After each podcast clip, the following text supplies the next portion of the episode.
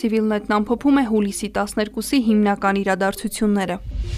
Ավտոպատահարի հետևանքով 6 պայմանագրային զինծառայող մարմնական վնասվածքով հոսպիտալացվել է։ Նրանցից մեկը հիվանդանոցի ճանապարհին մահացել է։ Այս մասին հայտնում է քնչական կոմիտեն։ Հուլիսի 10-ին ժամը 2-ի սահմաններում Երասխ-Երևան ավտոմայրուղու 14-րդ կիլոմետր հատվածում Հայաստանի պաշտպանության նախարարության N զորամասի պայմանագրային զինծառայողն իր կողմից վարած Opel Astra մակնիշի ավտոմեքենայով բախվել է պաշտպանության նախարարության մեկ այլ զորամասի հաշվեկշռում գտնվող UAZ Patriot մակնիշի ավտոմեքենային, որի հետևանքով վերջինս կողաշրջվել է։ Կոմիտեից տեղեկացնում են, որ դեպքի արդիվ հարուցվել է քրեական գործ։ Քնչական կոմիտեի նախագահ կնշանակվի Արգիշտի Խարամյանը, այս պաշտոնում փոխարինելով Հայկ Գրիգորյանին։ Համապատասխան հարցն ընդգրկված է կառավարության հուլիսի 12-ի նիստի օրակարգում։ Խարամյանը մինչ այդ քնչական կոմիտեի նախագահի տեղակալն էր, իսկ Հայկ Գրիգորյանը քնչական կոմիտեի նախագահի պաշտոնում նշանակվել էր 2018-ի հուլիսին։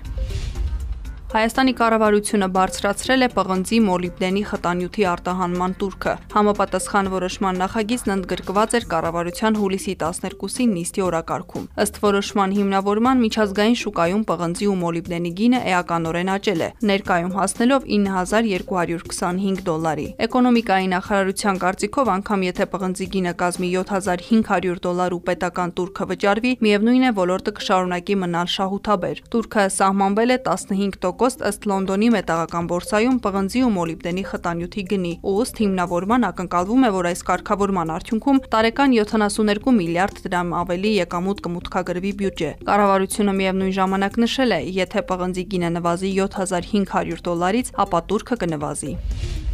Երևանի քաղաքապետարանից հայտնում են, որ ապօրինի կառուցված շինություններ են ապամոնտաժվել Դալմայի այգիներում։ Քաղաքապետ Հայկ Մարությանի կարգադրությամբ հունիսի 30-ին ապօրինի կառույցներ էին ապամոնտաժվում Դավթաշեն վարչական շրջանում, դրանից առաջ Նորնորքում։ Ապօրինի կառույցների ապամոնտաժման գործընթացը սկսվել էր Աչափնյակ վարչական շրջանից։ Խորհրդարանական ընտրություններից հետո սոցիալական ցանցերի օգտատերերը գրառումներ էին կատարում պնդելով, որ նախքան ընտրություններն ու ընտրությունների օրը Երևանի Աչափնյակ վարչական շրջանում, ինչպես նաև այլ հատվածներում տեղադրվել են կրպակներ։